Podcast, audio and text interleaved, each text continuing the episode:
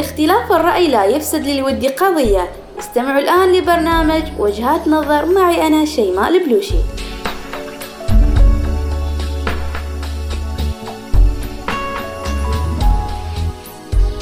من منا اليوم يقدر يعيش وحيد في هذه الحياة؟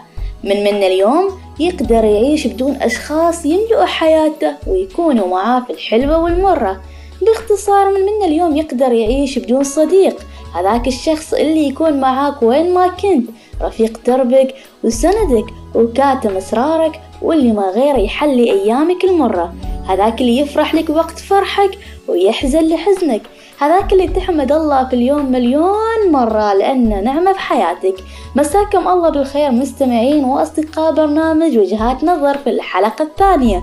مستمعين سمعتي يوم من الأيام عن الكنز الذي لا يفنى؟ أو الكنز الذي لا يقدر بثمن؟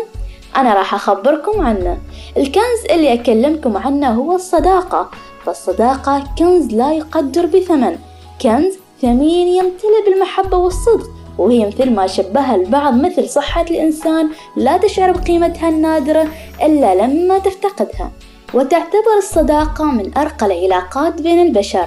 فهي من الأشياء اللي يجب على كل شخص فينا أن يسعى بتكوينها لأنها تضيف لك الطاقة الإيجابية وتزرع بقلبك الفرح وتجعل حياتك أكثر بهجة وجمال. وخصوصا إذا كانت الصداقة حقيقية صادقة غير مبنية على المصلحة والأشياء المادية بل مبنية على العلاقة الطيبة بين القلوب والأرواح. ولكن ما ننسى أيضا بطبيعة الحال أن أي علاقة في هذه الحياة قد تمر بظروف تتأثر على العلاقة بشكل سلبي وتخلق العداوة بين الأطراف والمشاكل. وممكن قد تتصلح الأمور وترجع على طبيعتها وممكن أن يكون العكس ينهدم ولا يمكن أن تتصلح نهائيا. وكل هذا أكيد يرجع على أصحاب العلاقة نفسهم. وعلاقة الصداقة لما ما تكون صادقة والطرفين ما بينهم أي محبة وتفاهم فممكن في أي لحظة صديقك راح يغدر فيك وهذا أمر متوقع عند الكثير وعشان كذا يقول لك المثل احذر عدوك مرة وصديقك ألف مرة. موضوع حلقة اليوم مستمعينا الكرام يمكن راح يفتح جرح قديم عند البعض وما نعرف هالجرح لا زال ينزف إلى الآن أو خلاص التئم. حلقتنا لليوم عن خيانة الصديق أو غدر الأصدقاء وخلينا نشوف آراءكم حول هذا الموضوع. كيف تتقبل صدمة غدر صديقك؟ وهل راح تلتمس له العذر في حين جاك معتذر؟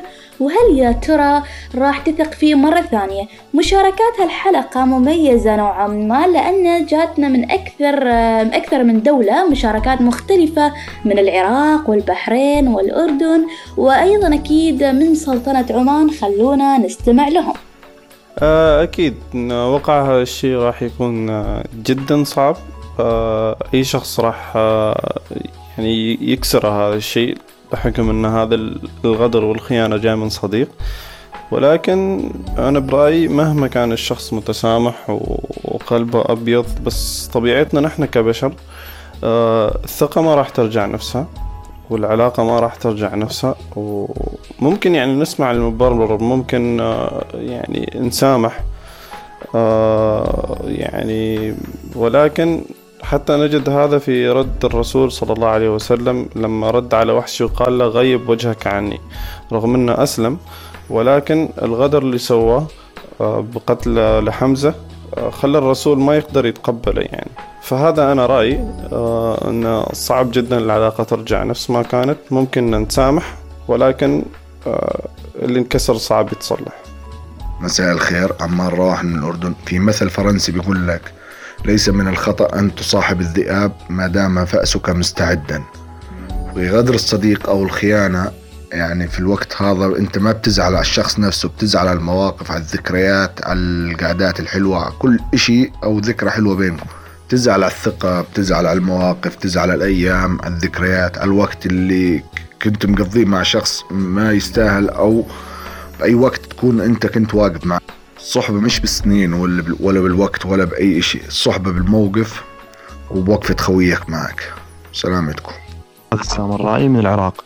طبعا آه، بشأن غدر الصديق آه، أكيد ردة الفعل يعني ما حد راح يقدر يوصفها لأن آه، هتكون غير متوقعة وغير مضبوطة ممكن منفعلة ممكن لا ما تنفعل بالموضوع ممكن تمشيها عادي.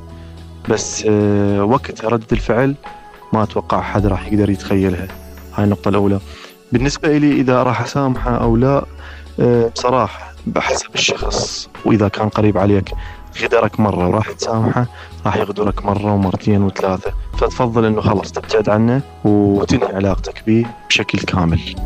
آه بالنسبة لرأيي الشخصي في موضوع غدر الأصدقاء طبعا الغدر والخيانة شيء وارد جدا في جميع العلاقات الإنسانية مهما كان نوعها يعني أتوقع أنه تنحطوا في الموقف. فأول شي راح أعمله إني أنا بلتزم الصمت بفكر بيني وبين نفسي طبعا بنصدم بيني وبين نفسي بنزوي بنفسي وبراجع قراراتي وأفكاري لين ما أحس إن أنا مستعدة للمواجهة بكلم الشخص وأتفاهم معاه. إذا التمست منه يعني الندم. حسيت إنه هو فعلا متأسف. ممكن إني أنا أعطيه فرصة ثانية ليش لأ؟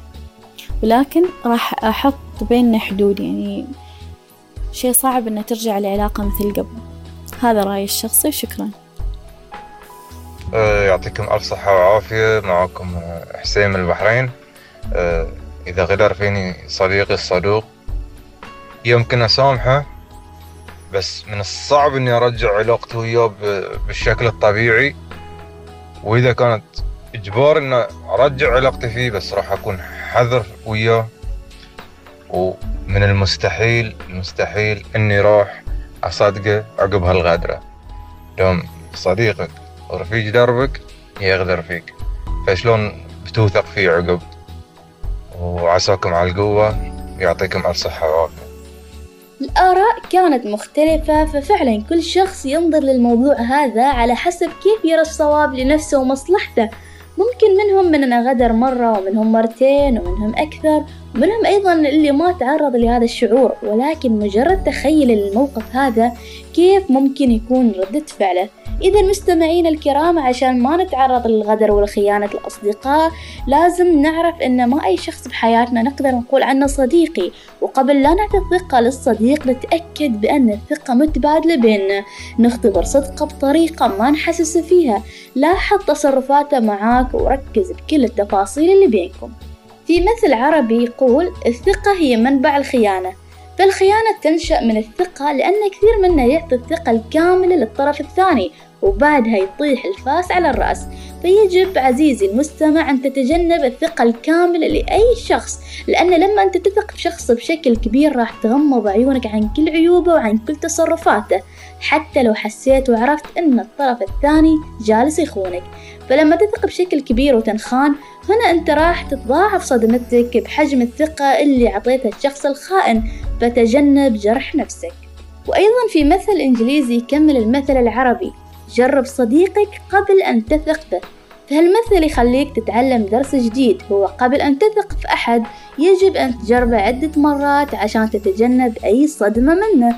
فيجب أن تختبر صديقك قبل أن تسميه صديق وتختبره أكثر من مرة عشان ما تقع في الفخ يوم من الأيام. وفي ختام مع حلقتنا لليوم مستمعين الكرام أتمنى لكم حياة سعيدة مع أصدقائكم وأحبابكم خالية من الغدر والخيانات. والله يديم عليكم المودة والمحبة وكل من فقد صديق أو غالي عليه إن شاء الله خير لك والله يعوضك أكيد بالأحسن. شكرا على متابعتكم ونشكر كل من شاركنا برأيه حول موضوع حلقتنا لليوم. نلقاكم الحلقة القادمة بموضوع مختلف. راح نتكلم عن قضية اجتماعية مهمة وحاصلة كثير في مجتمعاتنا. إذا مستمعينا انتظرونا في الثلاثاء المقبل.